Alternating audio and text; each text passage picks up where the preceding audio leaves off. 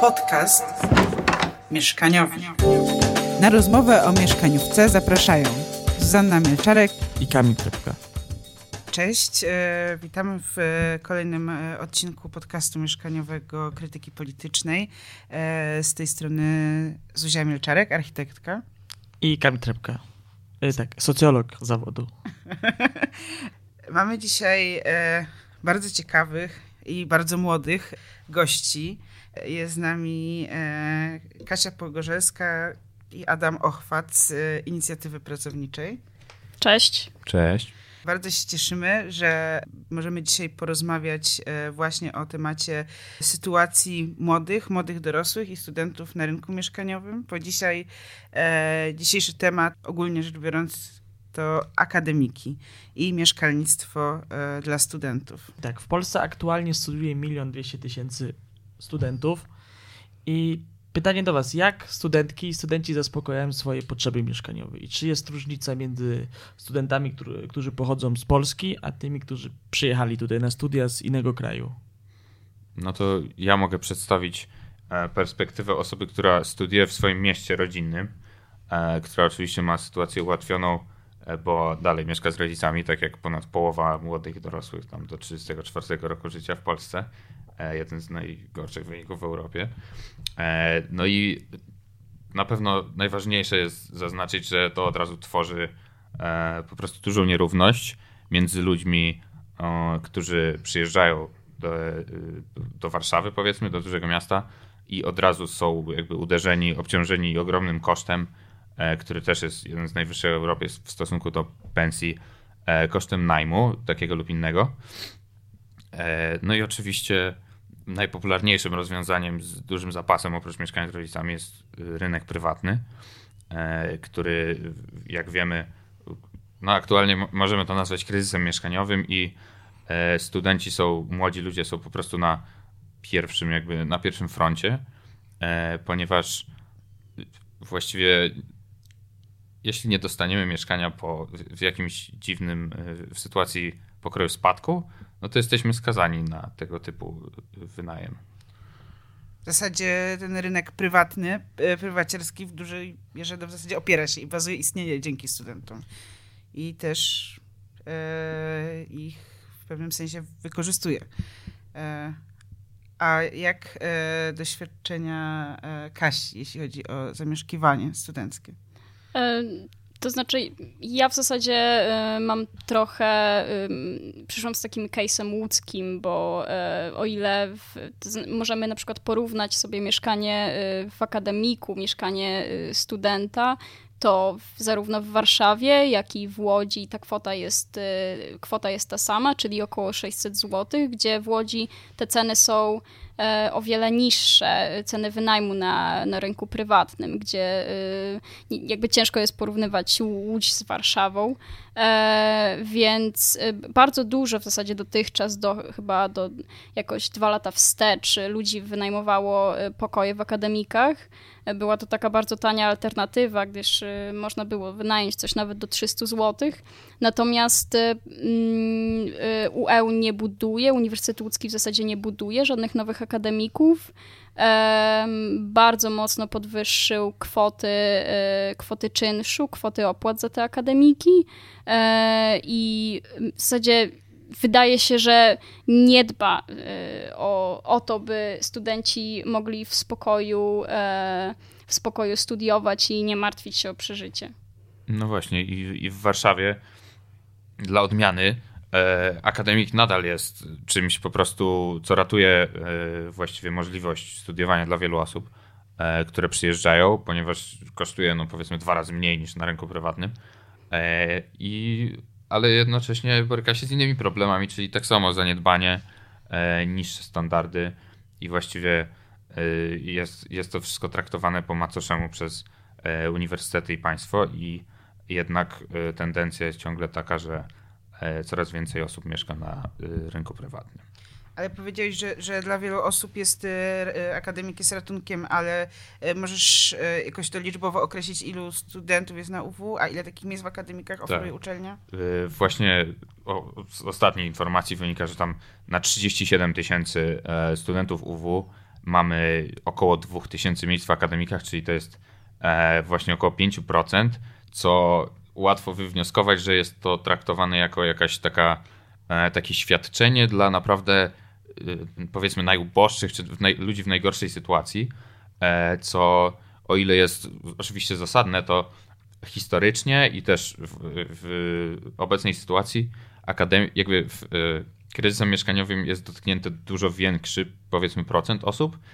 To nie jest tak, że przeciętny, nawet student z klasy średniej jest w stanie e, zarobić, pracując na pół etatu na e, mieszkaniu na rynku prywatnym, tylko wobec tego po prostu skoków cen przez ostatnie parę, paręnaście lat e, po prostu standardy spadają i studenci są wręcz kiedyś, prawda, mówiło się, że w najgorszym razie wynajmę mieszkanie studentowi, jakby, jak już nie ma innych chętnych 20 lat temu, a dzisiaj student to jest właściwie najlepszy klient, bo tylko student będzie chętny mieszkać w y, sześciometrowym pokoju bez okien, y, bez mebli i jeszcze będzie potulnie y, pilnował i sprzątał, żeby tylko odzyskać kaucję. Albo w piwnicy. Często też pojawiają się takie ogłoszenia i e, mimo wielkiego społecznego sprzeciwu e, ludzie, którzy wynajmują takie piwnice, no bo przecież są duże, mają czasem nawet 20 metrów kwadratowych, e, to no, dalej jakby to wynajmują, bo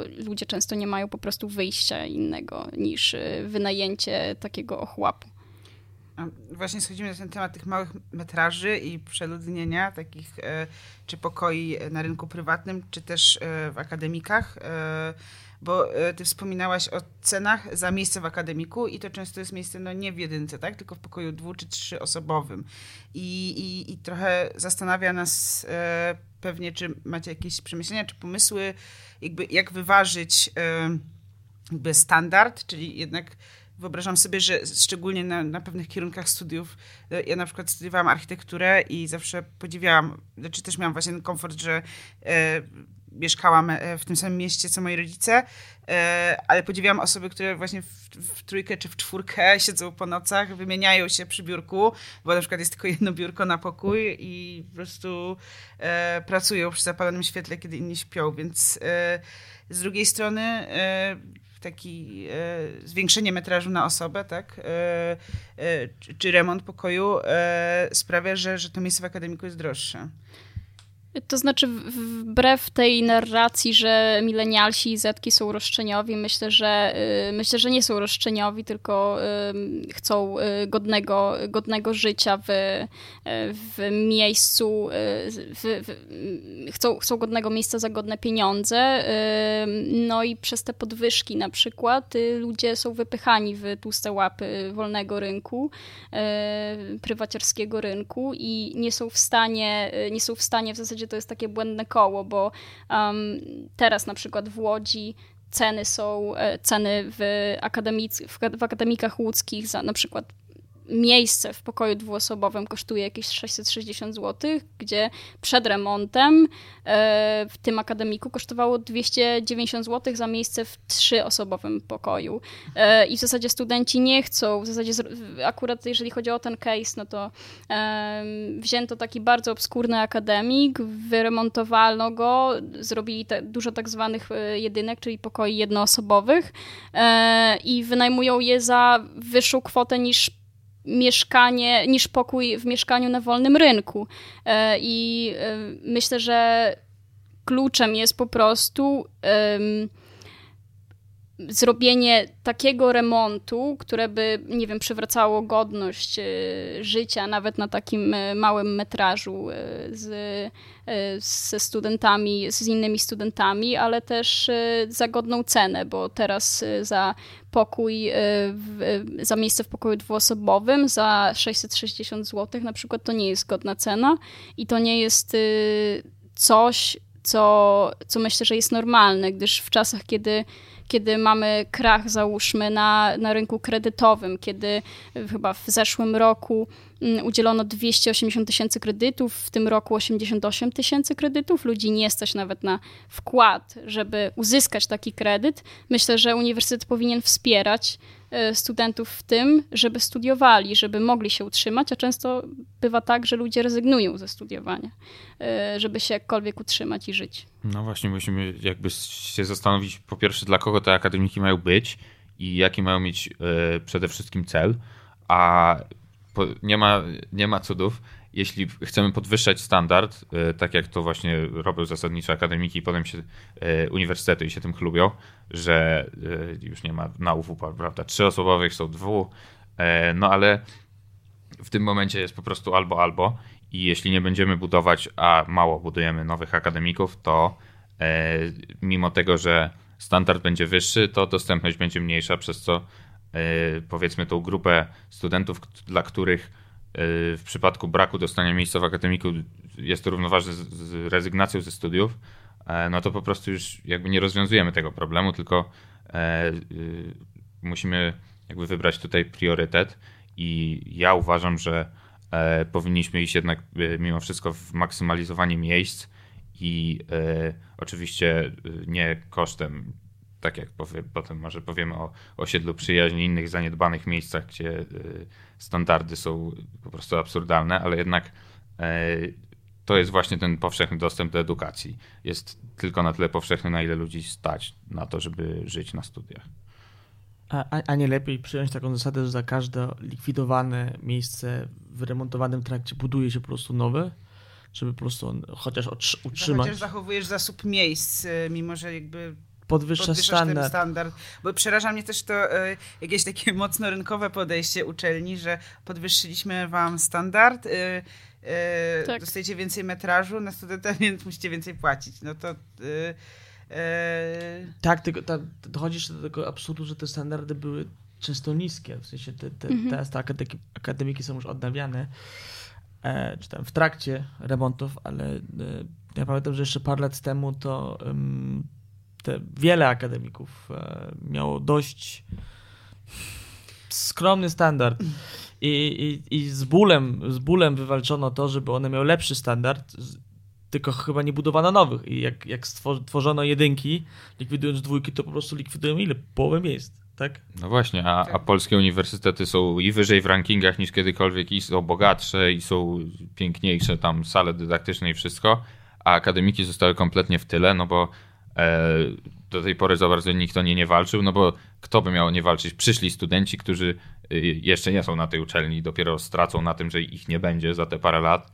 E, do czego oczywiście jeszcze trzeba dodać fakt, że uniwersytety działają tak, że jak się wywalczy akademik, no to on powstanie za 5-10 lat E, tak jak na UW, ten, który się ma otworzyć w tym roku, no to był już zapowiadany w 2000 roku przynajmniej, e, jako jeden z wielu, powstał jako jedyny, więc e, no jest to po prostu taka sprawa, że, że łatwo jest na tym zaoszczędzić, no bo nikt się nie będzie o to wykłócał. Powiemy, że, że są teraz ładniejsze, więc w ogóle nie można nic zarzucić. No a budowanie kolejnego budynku to jest taka inwestycja, że, no, że łatwo ją zbyć. Po prostu E, wręcz jedna z uczelni, do których pisaliśmy e, wnioski o informacje na temat akademików, się zarzeka, że, że to nie leży w jej obowiązku, żeby rozwiązywać właśnie kryzys mieszkaniowy. A też myślę właśnie, że y, jest duża bierność y, młodych, y, jeżeli chodzi o walkę o takie, takie właśnie społeczne kwestie, bo myślę, że ludzie, którzy dopiero wchodzą, ludzie, które, którzy dopiero wchodzą w studenckie lata, no to, który to jest rocznik, może nie wiem, mają 19 lat, więc 2003, 2004 też zależy, e, więc oni trochę się urodzili już mniej więcej jakby w, w tym kryzysie mieszkaniowym, nie, nie widzą tak naprawdę e, jakiej, jakiejś drogi wyjścia z tego, biorą to za pewnik e, i rozmawiałam z, ze znajomymi, e, żeby coś z tym zrobić, żeby napisać może coś do rektora, żeby, żeby nakreślić w ogóle ten problem, który jest niebotycznym problemem to z rezygnacją e, rozkładali ręce, że ale przecież tak jest, ale przecież nic się nie zmieni, przecież takie są ceny, przecież jest inflacja. No to A... bardzo ciekawe, co mówisz, bo to w sumie już ta generacja alfa, tak? Zetka. Tak mi się wydaje, czy nie, czy jeszcze nie, ale też się zastanawiałam nad ich e, podejściem właśnie do mieszkalnictwa, bo e, jakoś tak w różnych dyskusjach jest duża mowa o tym, że, że właśnie to młodsze pokolenie, to jeszcze po zetkach, to, że w nim jest nadzieja, bo ma duże właśnie zrozumienie dla tego, e, dla, dla problemów społecznych, a mi się wydaje, że właśnie przez tą taką, no nie wiem, naturalizację tego problemu, e, że e, kryzysu mieszkaniowego, który po prostu stał się stanem naturalnym, to tak jak mówisz, jest zupełnie odwrotnie. Znaczy, poczekaj, poczekajcie, to, to nie jest tak, że tego kryzysu nie było. Jakby on był, w Polsce był on e, Zawsze. zawsze tak naprawdę. W No, Polsce ale nie chodzi było. o ten, e, o ten w duchu, e, e, w neoliberalnym duchu, który trwa do dziś, powiedzmy od lat e, e, 2000, tak? No ale w 90 był też kryzys, w sensie ogromny. Tylko, tylko myślę, że w akademikach jest teraz większy kryzys, bo studentów jest dużo więcej niż w 90 na przykład. No tak, no i miejsc w akademikach coraz mniej. Właśnie, w sensie proporcje jakby zjechały. Mhm. Ale No ale też ten brak woli też, żeby tak źle e, nie mówić o młodszych koleżankach i kolegach, to raczej e, może wynikać też z tego, co powiedziałeś, że po prostu to jest walka o coś, co będzie się miało bardzo na krótko. E, więc No, no tak, i też trzeba przyznać, jak ktoś szczerze, jak ktoś zaczyna studia i studiuje 3 albo 5 lat, samorządowcy, tam, którzy, ludzie, którzy się angażują na uniwersytecie, studiują dłużej, ale mimo wszystko, no to jak, mm, ja myślę, że to, co powiedziała Zuzia, że jak ktoś, powiedzmy, że na drugim roku ktoś zaczyna walczyć, no to aż cokolwiek wywalczy, to już ma po prostu, sk- sk- skończy drugi stopień, nie? mhm. Że to jest jednak coś takiego, że po pierwsze trzeba mieć świadomość tego problemu, to trwa trochę, aż ludzie się wiem, dojdą do tego albo zrozumieją to strukturalnie, no i potem już się studia kończą. No i też w zasadzie ym, często nie ma takiego punktu zapalnego. Na przykład w Poznaniu y, tym punktem zapalnym y, było y, likwidacja y, DS Jowity, o którym chyba też wspomnimy. Y, no ludzie się wokół tego zebrali, żeby się zbuntować i faktycznie coś z tym zrobić. Y, Natomiast no nie ma takiego punktu zapalnego. Było, je, było beznadziejnie, jest beznadziejnie, będzie beznadziejnie. Ale to jest, e, bo jeśli chodzi o Jowitę, to to jest e, podwójny problem. Z jednej strony e, problem tego, że w ogóle uczelnia sprzedaje tak, ten budynek i, i też problem, powiedziałabym, natury takiej urbanistycznej i też wypychania studentów poza granice centrum na obrzeża miast, tak? bo e, w Poznaniu za miejsca w Jowicie co jest oferowane? Czy cokolwiek? Czy... jest teraz właśnie kończony, Morawsku? Mhm. otwierany akademik na Morawsku, który ledwo tam z nadmiarem 20 czy iluś miejsc e, pokryje tą stratę potencjalną z zamknięcia Jowity. E, No i to jest y, przypadek podobny zresztą jak w Krakowie, gdzie stworzone została s- takie miasteczko kampusowe gdzieś naprawdę... Na Ruczaju. tak, jak na Ruczaju, y, z dala od miasta, jak UKSW w Warszawie. No, y, ma to dużo po prostu problemów i o ile są jakieś zalety, rzeczywiście to może przypomina jakiś y, zachodni, amerykański styl życia, że jesteśmy tam koło lasu, ale jednak trzeba dojechać do pracy. Prawda, życie kulturalne też jest dosyć istotne w czasie studiów. I też studenci zawsze byli istotną częścią po prostu te, tego miasta, że był klub studencki, koncerty. To już lata temu, dzisiaj już właściwie coraz mniej, ale e, jednak studenci byli wartościowi dla, dla centrów miast i nadal są, bo jeśli e, już tak z perspektywy uczelni, e, jeśli studenci się wyniosą z centrum, no to co się stanie z tymi mieszkaniami, które już zostały podzielone na te siedem pokojów? Nie może hotele w Krakowie? No właśnie z hoteli, no to w Poznaniu już to się stało. Y, Parę lat temu hotel Polonez został sprzedany i utworzyli tam e, prywatny akademik właśnie tej firmy, tam nie będę wymieniał. Nie, nie trzeba. I, e, Firma i macie, schowek dla studentów, na studenta. tak, gdzie, gdzie mamy studentów. O. opłatę all inclusive, siłownię i, i, i meble z Ikei. I mural imienia doktora Jana Kulczyka, który Fundacja Malta zasponsorowała. Ale właśnie to, to, to dobrze o tym e, po, powiedzieliście, bo e, mamy też w Polsce rosnący sektor akademików prywatnych. Podobno teraz jest w budowie 60 akademików, a już paru powstało. E, te duże, duże firmy deweloperskie też w to, w, to, w to wchodzą. Dla kogo, dla kogo są te akademiki prywatne? I one, znalazły takie dane, bo wy już mówiliście o wyższych sumach, że tych e, firma dora- doradcza CBRE EI, nie, CBRI, po polsku I. CBRE po prostu, ale Cbra. Sprague szacuje, że w ośmiu największych ośrodkach akademickich, czyli Warszawa, Kraków, Wrocław, Poznań, Trójmiasto, Łódź, Lublin i Katowice, akademików jest łącznie 82 tysiące. I jak wiemy, że to jest, to jest za mało. I kolejne dane, które ta, ta firma analityczna wygenerowała, jest następująca. Za akademik publiczny student musi zapłacić średnio 473 zł, a za akademik prywatny 1370 zł.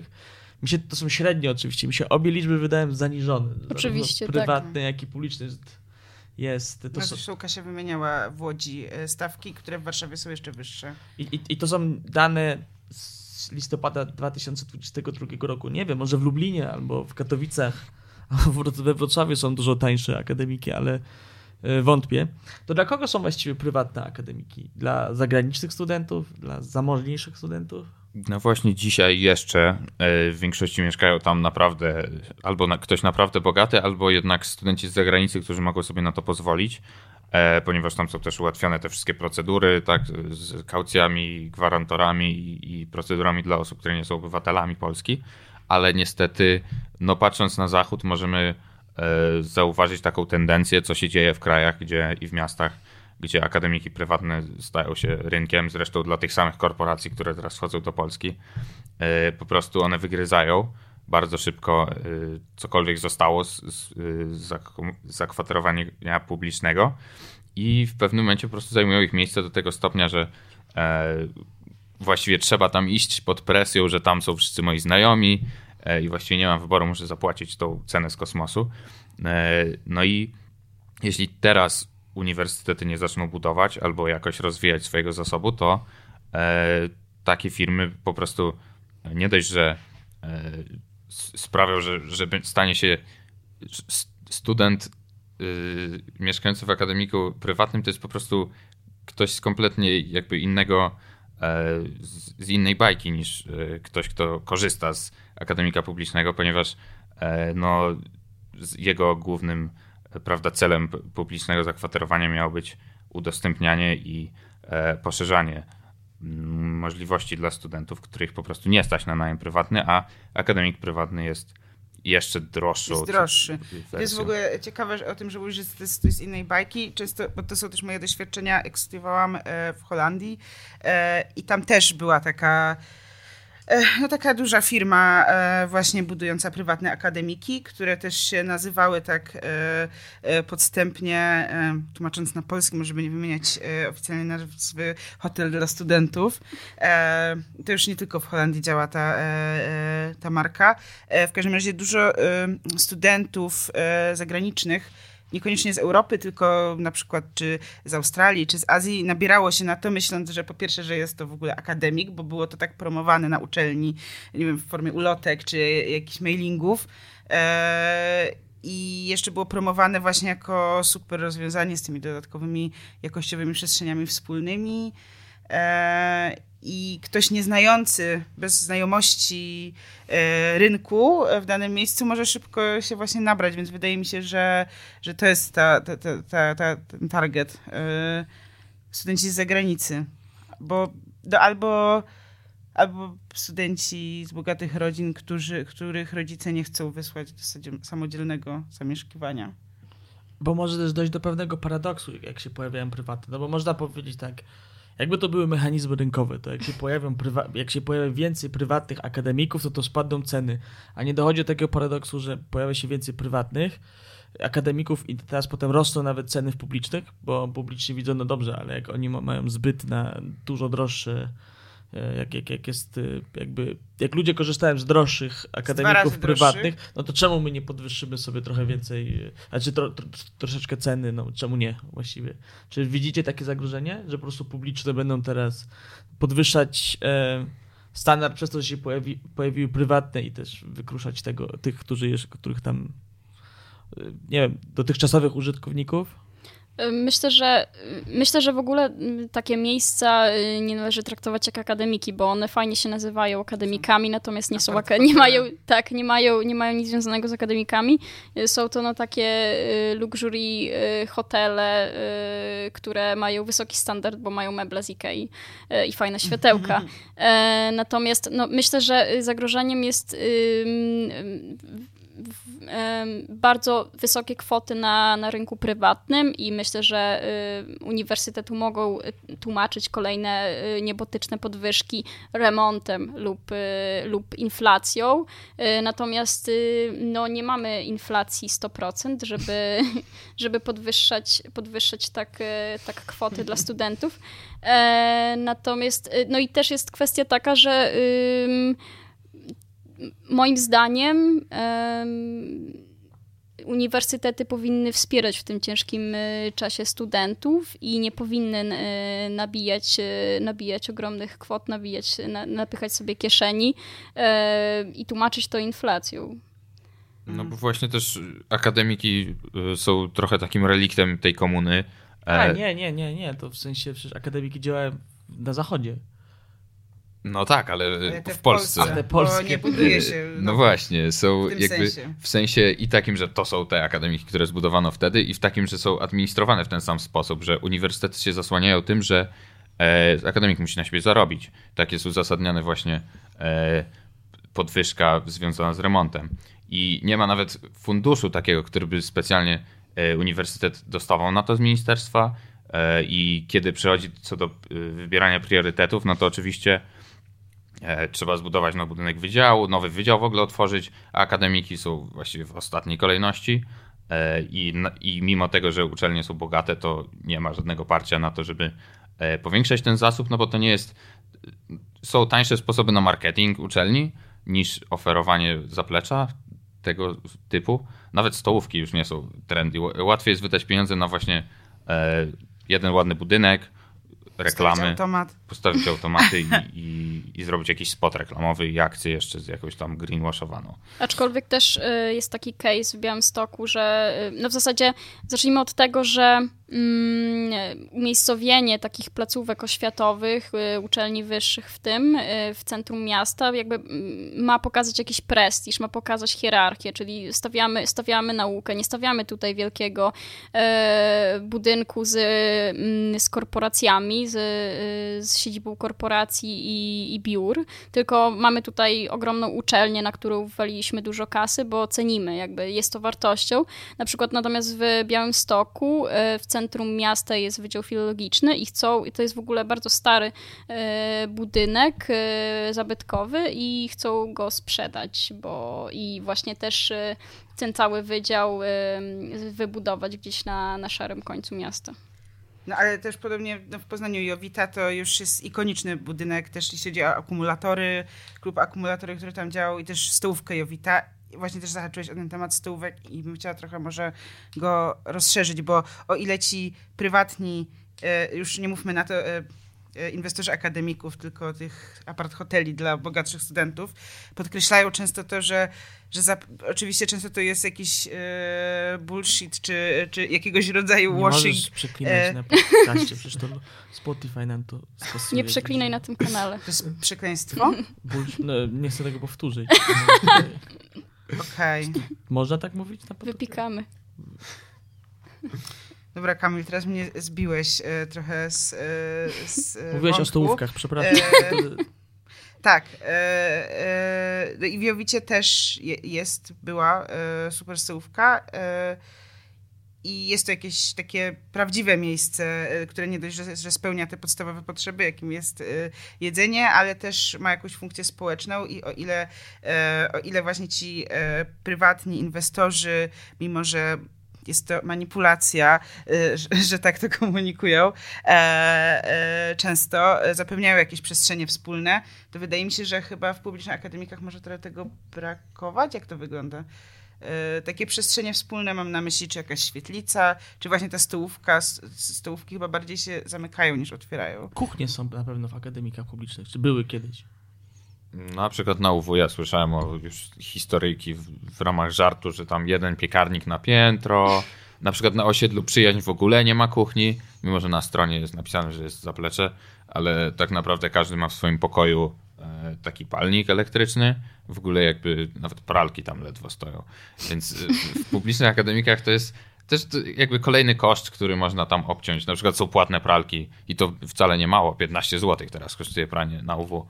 E, Mega Wow. Więc e, To no, jest drożej niż e, w takiej prywatnej pralni, myślę. Ale też takie, Taki- takie, takie samoobsługowej. żeton samoobsługowej. Mhm. Drożej, moim zdaniem. Ja, wiecie co, mi działa pralka od dłuższego czasu. Znaczy nie, ja nie Nie- korzystałam nie w Polsce byłem. z takiej pralki, ale korzystałam na przykład w Belgii, jak mieszkałam i to było tańsze. Eee, I to było całkiem niedawno, więc e, to, to szkoda, to- że takie drogie to pranie. To też jest wszystko ten sam po prostu outsourcing y, w koniec końców publicznych instytucji na, na prywatne stołówki, prywatne akademiki, to jest I prywatne, prywatne pralki, pralnie też, no. tak. Mhm. Tak, Ale, ale te, No w zasadzie, y, jak już mówimy o tym praniu, no to w, w łódzkich akademikach na jakieś 400 około y, osób. To znaczy 400, jest 400 miejsc y, w tych akademik, te akademiki są zazwyczaj zapełnione. y, Też y, miałam y, taki, takie doświadczenie mieszkać, y, kiedy wybuchła wojna w Ukrainie i UE, co było fajnym gestem, y, przyjęło y, sporo, sporo uchodźców i mieliśmy tam dzieci sobie biegały i pieski, to było fajne, ale minusem tego jest to, że UE nie zrobiło nic, żeby wyposażyć w ogóle akademik w jakieś, w jakieś sprzęty, no bo dalej na 400 osób były trzy pralki, z czego czasem jedna działająca albo dwie działające y, z kartkami, że tylko jedno pranie w tygodniu możesz zrobić. E, więc, no, a, no i jeszcze oczywiście nie ma, jeżeli chcesz, chcesz mieć lodówkę, taki sprzęt nowoczesny, co chłodzi ci jedzenie i wtedy ci się nie zepsuje jedzenie, no to musisz ją sobie kupić sam. pralkę. Pralkę nie, E, lodówkę. lodówkę, Tak. Ale pral, a pralkę dałoby, Y, Pralki są trzy. Czasem, się- czasem się działają. i podłączyć? Na, Y, nie wiem, nie Pranie. wiem. na przykład na, na osiedlu Przyjaźń na własne oczy widziałem, że właśnie jest pokój nazwany kuchnią, tam jest tylko zlew i stoją pralki prywatne z karteczką z napisem prywatne i z napisem, w którym pokoju można uiścić opłatę za korzystanie z tej prywatnej pralki kogoś z mieszkańców. Small business. Każdy orze jak I pod, pod, jak, jak, jak, jak to ten właściciel pralki weryfikuje, czy ktoś mu używał? No tam Przychodzi tam co jakiś czas? No, Bomba tyle- jest jakaś nałożona. Na kutkę. A powiedzcie mi, pojawiły się takie głosy, że te, w akademikach jest y, teraz duża część aka- akademików to są studenci zagraniczni. Czy to faktycznie jest taki problem, że brakuje dla jakby polskich studentów e, miejsc? No, na przykład na UW główny argument władz jest taki, że nie brakuje, bo jest tyle chętnych co miejsc w tym roku i chyba w zeszłym też. E, Duży procent z tego to są studenci właśnie Erasmusa.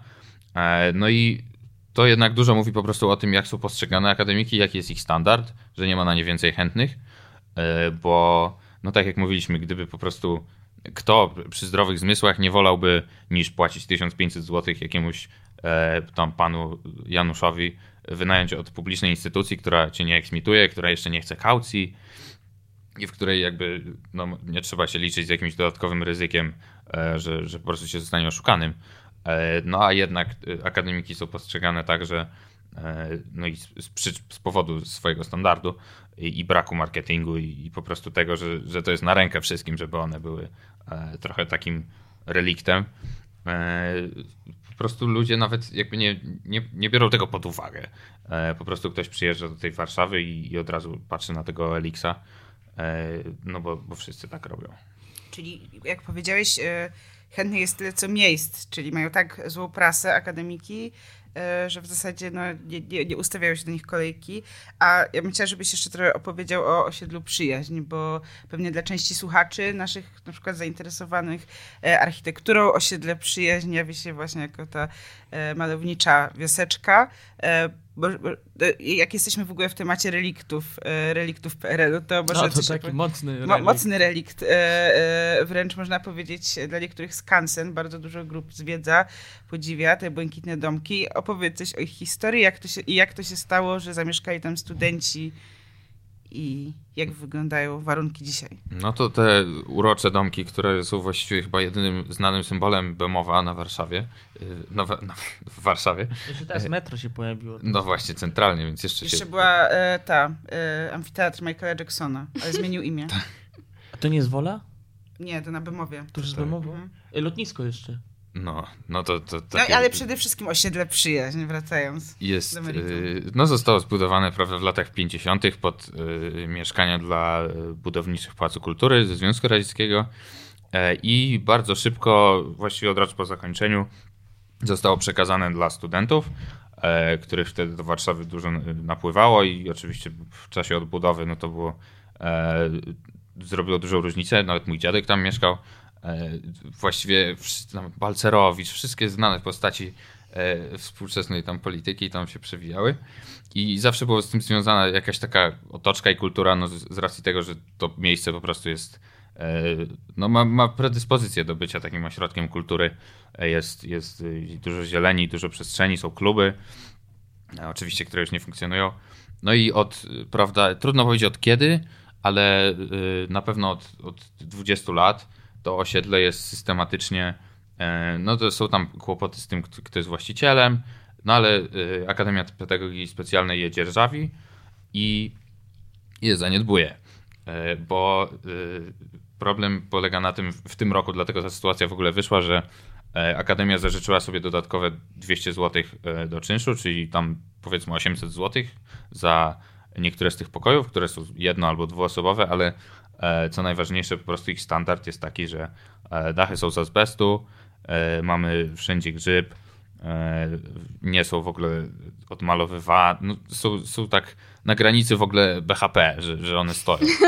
I mieszka, mieszka tam masa po prostu ludzi, którzy tam specjalnie się wprowadzają z jakiegoś sentymentu do tego miejsca i dlatego, że e, tam panuje w ogóle taka wolność, ludzie jakby mają kontrolę nad tym, jak wyglądają te ogródki tam pomiędzy, nikt tego za bardzo nie pilnuje. No i to tylko pokazuje, jak e, pięknym miejscem, mimo tych zaniedbań, może być y, takie zgromadzenie tych młodych ludzi, studentów. E, I pokazuje to, jak bardzo nawet na tym zabytku, na skalę całego kraju, może, nie może na nim nie zależeć władzom. E, No i, i, i co z tego, że ci ludzie, którzy e, mają sentyment do tego miejsca, będą tam je sobie na własną rękę odmalowywać, kiedy no, prędzej czy później to po prostu przestanie być zdatne do użytku. I to jest, mam nadzieję, że to jest e, taki właśnie e, moment zapału, jakiegoś takiego e, no, wybuchu po prostu, kiedy te problemy narastające e, stają się ewidentne i trzeba będzie coś zrobić, bo e, jeśli oczywiście to osiedle zostanie zamknięte tak jak e, można, można się tego spodziewać po tym, jak bardzo jest zaniedbywane, no to duża, naprawdę duża część e, mieszkań studenckich w Warszawie po prostu zniknie. Bo ile tam jest miejsc? Mhm. Bardzo, Akademia jest bardzo c- jakby tajemnicza na ten temat, ponieważ w tamtym, na tym osiedlu jeszcze oprócz tego, że Akademia jej dzierżawi od państwa, to inne uczelnie wynajmują sobie niektóre pokoje i nie wiemy, czy nie liczymy ich parę razy, no ale mieszka tam e, no, tak. par, paręset osób. Dane o mieszkalnictwie też- w Polsce mniej więcej tak wyglądają. Tam są też komunalne mieszkania częściowo? No tam jest bardzo w ogóle dziwna sytuacja. Tam mieszkają między innymi e, pracownicy, z, e, bo kiedyś tam mieszkali profesorowie, e, potem mieszkali tam pracownicy też z zakładu, który się zajmuje tym osiedlem. Bo Jest bardzo niejasna sytuacja. Ale e, wszystko wskazuje na to, że ludzie tam bardzo chcą mieszkać. Różni ludzie. E, co, No, tylko metro obok. co tylko świadczy o tym, że warto po prostu e, o to walczyć. E, Ale nie myślicie też, że być może to jest trochę. Ojej, to jest to będzie jakaś taka teoria spiskowa, ale że to jest trochę celowe, bo jak student yy, czy studentka za młodu już widzi, że państwo się nigdy nie zaopiekuje potrzebami mieszkaniowymi, no to też nie mam, nie jest powiedzieć roszczeń, ale oczekiwań wobec tego państwa. A jakby było tak, że na przykład mamy bardzo ładne akademiki, niezbyt drogie, jest ich dużo, i potem odchodzą ze studiów, e, kończą studia, odchodząc z uniwersytetów, no i by mogli na przykład marzyć jakieś, albo uznać, że powinny być też TBS-y, albo mieszkalnictwo po prostu społeczne, a tak już każdy jest pozb- pozbawiony złudzeń, prawda? Kończy studia, na studiach już nic nie dostał, znaczy nawet nie, nie dostał, niczym nie mógł mieszkać, co jest publiczne, więc już na, jako, jako dorosła osoba też nie, nie myśli, że tak, tak, tak może być. Jak, jak no to jest myślicie? właśnie wszystko bardzo na rękę, powiedzmy, po, pośrednio i deweloperom, i całemu wolnemu rynkowi, że studenci przez ostatnie, jakby nasze pokolenie jest po prostu właśnie tak jak mówisz, już przyzwyczajone do tego, że trzeba walczyć o, o, o chłapy w pewnym sensie i, i nic się nikomu nie należy. E, no a nie zawsze tak było. Jeszcze się czyta jakieś tam e, artykuły sprzed 20 lat, gdzie ludzie byli w stanie w Warszawie wyżyć za, na studiach pracując na pół etatu. Tak jak w Stanach się e, opowiada takie bajki, że właśnie e, student dorabia sobie w weekend, sprzedaje lody i, i to jest przedsiębiorczość. Tak jak u nas się na to właśnie te, zawsze stawia taki nacisk, że w ogóle praca na studiach to jest coś dobrego, zyskuje się to doświadczenie i bezpłatne staże i to jest to właściwie to samo zjawisko, co, e, co brak tego zaplecza i wręcz ja bym zaryzykował taką tezę, że te akademiki są specjalnie e, właśnie traktowane jako relikt, żeby trochę odstraszać od, od nich, że to jest wstyd tam mieszkać i w sumie a walczyć o nie to w ogóle jest jakby e, no nic, nic dobrego. No ja myślę, że tu głównie chodzi o pieniążki, no jakby y, tak naprawdę, no kiedy nikt, nikt nie ma żadnych oczekiwań, studenci nie walczą, no to myślę, że y, wychodzenie z inicjatywą wal, y, z inicjatywą y, budowania takich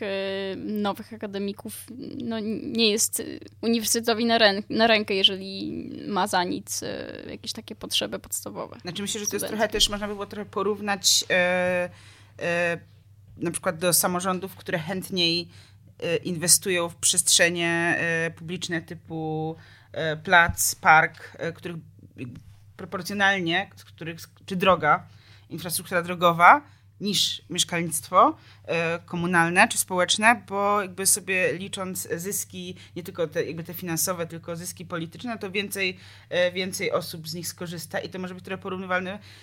Uczelnie wolą zainwestować w super wypasioną sa- salę audytoryjną czy e, nowy, nowy budynek e, biblioteki niż w mieszkania studenckie, akademiki, z których skorzysta mniej. No Tak też, y, też no oczy- oczywiście, że tak. No, y, na przykład y, le- jest pomnik jednorożca w Łodzi, w centrum Łodzi za, za kilka milionów jest bardziej widoczny niż na przykład odgrzybienie mieszkań komunalnych albo ym, załatanie dachów, albo wybudowa, wybudowanie nowych mieszkań komunalnych, żeby ludzie mieli wow, gdzie mieszkać.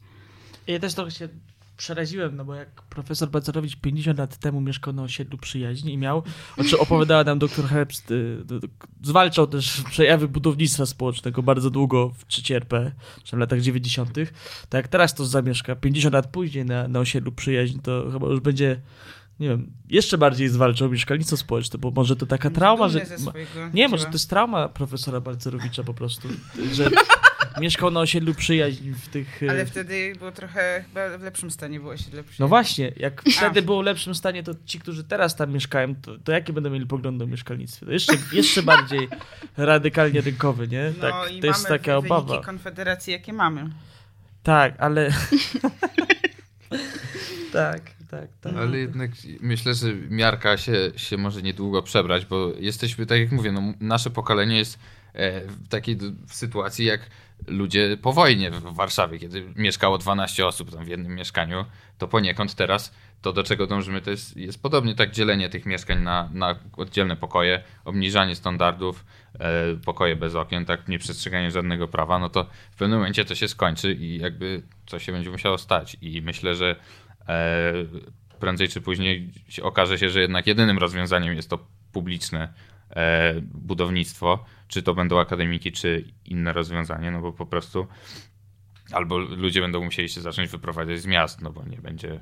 A co jest e, wyjątkowo ciekawe, to że przez ostatnie 15 lat e, metraż sumaryczny mieszkań w stosunku do populacji w Polsce to było, było 26 metrów na osobę, teraz jest ponad 30, więc mieszkań jest coraz więcej, e, tylko albo stoją puste, albo, albo nie wiem. Mielibyśmy jeszcze ogólne pytanie o, o tym, jak wyglądają perspektywy, perspektywa młodych, jeśli chodzi o, o to, to, co się dzieje w sferze mieszkaniowej, na rynku mieszkaniowym. Jak wy to widzicie? Oczywiście też trzeba pamiętać, że jesteście szczególną frakcją młodych, bo część pewnie jest, jesteście związkowcami, więc macie trochę inną perspektywę. Oczywiście część pewnie lubi fantazję Mencena o domku pod miastem i dwoma samochodami. Jeśli mi się E, I, tak, ale- i bonem zdrowotnym. Ale to znaczy interesuje nas to z perspektywy was jako działaczy WSL-u, ale e, również studentów i niedługo młodych dorosłych, którzy będą się w pełni usamodzielniać. E, Jak widzicie te, te perspektywy? No ja myślę, że y, jeżeli nie ma się ogromnego szczęścia y, w postaci jakiegoś spadku, no to w zasadzie albo młodzi są albo wpychani w y, wynajem drogich mieszkań, jeżeli chcą mieszkać w mieście i, i tutaj się rozwijać, albo w zasadzie brać kredyt, a też, a też w zasadzie jeszcze kilka lat temu ten, wzięcie tego kredytu było możliwe, ale teraz już abstrahując oczywiście od, od rosnących stóp procentowych, to ludzie nie mają na tyle wkładu własnego, żeby ten kredyt wziąć. Więc w zasadzie są zmuszeni e, wynajmować i spłacać, e, spłacać Dorobkiewiczowi jego e, kredyt hipoteczny. W zasadzie to można powiedzieć, że to taka nowoczesna forma niewolnictwa. Człowiek idzie do pracy i grzecznie pracuje cały miesiąc, a potem całą wypłatę przynosi swojemu panu za, za, za wynajem mieszkania. Panu z banku. Tak. Znaczy poprzez, ale uwłaszcza się na tym pan landlord. Tak. A też właśnie o tym, też teraz... miałam sobie takie przemyślenie, że tak w zasadzie to młodzi ludzie no, biorą te kredyty. Znaczy są w sytuacji spłacania kredytu, tylko nie swojego.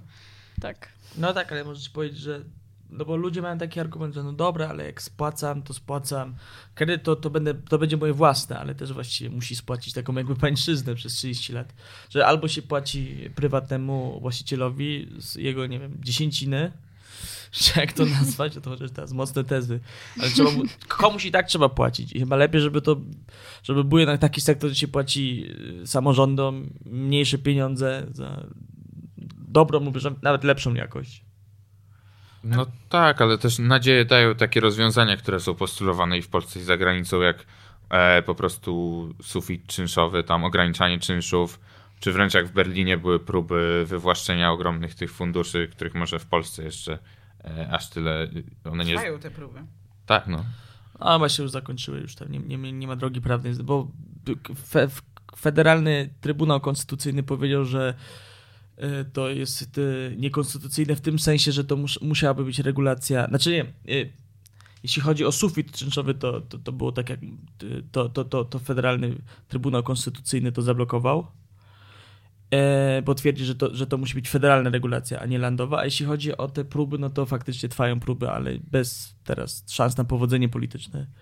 Taki jest rozkład też sił politycznych w, w berlińskim parlamencie, że to, że to nie, wygląda, nie wygląda na to, żeby dało się to przeforsować. Mhm. A może jeszcze, e, jak już jesteśmy za granicą, E, to e, i, i, rozmawialiśmy, znaczy rozmawialiśmy o sytuacji e, studentów zagranicznych w Polsce, jeśli chodzi o przydział mieszkania w akademiku, jak to wyglądało w waszym przypadku? I to głównie pytanie do Adama na temat jego studiowania na Erasmusie w Wielkiej Brytanii. No to ja jakby mam wrażenie, że w, że w Anglii, w, w Bristolu, e, widziałem trochę taką E, wizję przyszłości dla Polski, która by była naprawdę e, no, pesymistyczna. Czyli mamy miejsce, gdzie e, uniwersytet jest w takiej jakby zmowie z prywatnym deweloperem, który zarządza sobie siecią akademików w całym mieście i każdy ma w nim gwarantowane miejsce i tam jest w ogóle życie społeczne, tak, pomijając fakt, że standard ich jest no, ikeowski, oczywiście dużo wyższy niż dużo wyższe koszty e, niż na rynku prywatnym, no ale jest, e, prawda, zaufany i jest łatwo to wynająć. I tam jest jeszcze e, taki dodany w ogóle do, do całego tego równania aspekt, że w Wielkiej Brytanii każdy student dostaje kredyt. Na, nie tylko na czesne, ale też na życie. Przez co mamy taką sytuację, że te kredyty są po prostu pożerane od razu przez tam połowa jego idzie na ten czynsz, i no właściwie są drukowane pieniądze, bo te kredyty są e, na tak dobrych warunkach, że potem nikt ich nie spłaca. I mamy taką e, po prostu fabrykę tych nowych akademików i, i, i nowych takich kompletnie bez żadnej duszy też miejsc, które też zajmują centra miast i w ogóle mają dziwny wpływ na, na tą całą taką tkankę studencką, bo, bo nagle właśnie to, co mogłoby się, tak jak w Polsce, akademiki są, były takimi historycznie też miejscami e, no, niespecjalnie prestiżowymi, no to nagle się okazuje, że tam to są właśnie takie trendy, e, właściwie lokale, tak jak na Pradze u nas jest taki jeden akademik w Warszawie, no po prostu, gdzie, gdzie mamy community managera i, i, i klub jakiś taki Taki, takie e, prywatny? Tak, tak. Tak. A jest też y, na Pradze Południo- Południe ten legendarny publiczny ki- na Kickiego. Tam są dwa. Czyli. Ale tam to. są raczej takie warunki bez, bez y, community managera. Tam community manager jest od- oddolny. Y, Nie, no nie, tam są normalnie. Nie, nie, tam są wybory. Tam jest w ogóle wy, wy, co jest Rada Domu Studenckiego i tam pewnie mm, szef tej rady musi. Jest takim community managerem, tylko nieodpłatnie. No ale też jeszcze w ogóle co do tej sytuacji dzisiejszej, to, to zauważyliśmy, że odkąd zaczęliśmy jako tam e, i Studencka Inicjatywa Mieszkaniowa i IP trochę pchać ten temat akademików w kontekście mieszkalnictwa, e, no bo problemy Stowarzyszenia Lokatorskie i te problemy były do niedawna postrzegane jako y, no, powiązane ze starszymi osobami, które prawda, padały ofiarami reprywatyzacji. E, No a tu się nagle okazuje, że jednak głównymi graczami, jakby tymi, tymi którzy najwięcej tracą na tym, że e, mamy taki kosmiczny prywatny rynek, to są młodzi ludzie, którzy są po prostu często wykorzystywani. E, Umowy na mieszkania, prawda, odzyskiwanie kaucji to jest w ogóle jakiś horror w- dzisiejszych czasach. E, Ludzie w, w, ciągle się dzielą w internecie jakimiś historiami z landlordami, e, którzy a to przychodzą o dziwnych porach, tak, wymagają jakichś tam kontroli, i czyszczenia, nie można sobie nic w tym pokoju zmienić. To też no można właściwie mieszkać, taki młody człowiek może mieszkać 5 lat w jednym mieszkaniu i w ogóle nie być u siebie, bo ma tam meble po babci, zostawił właściciel i, i my nie, nie możemy za bardzo nic z tym zrobić, jeszcze mamy być wdzięczni za to, że możemy tam w ogóle mieszkać.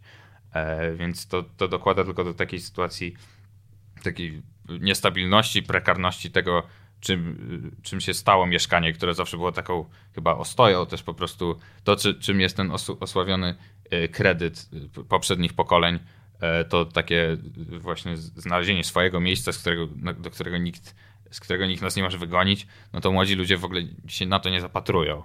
I, i w sumie e, też może nawet to nie jest ten postulat, tylko po prostu e, chcemy, żeby mieszkania były tańsze, stabilne e, i w dobrym stanie. I, i, na to na razie nie ma odpowiedzi. Znaczy, stabilnie konstrukcyjne, mówisz o Stabilne. przy, przy Tak, tak, to przede wszystkim, ale No tak, to, to Czy najważniejsze. Możesz, Stabilne- stabilne najmie. Stabi- niezależne od, od fanaberii, prawda, e, pana Józia, którego syn przyjeżdża do miasta i my się musimy wynieść.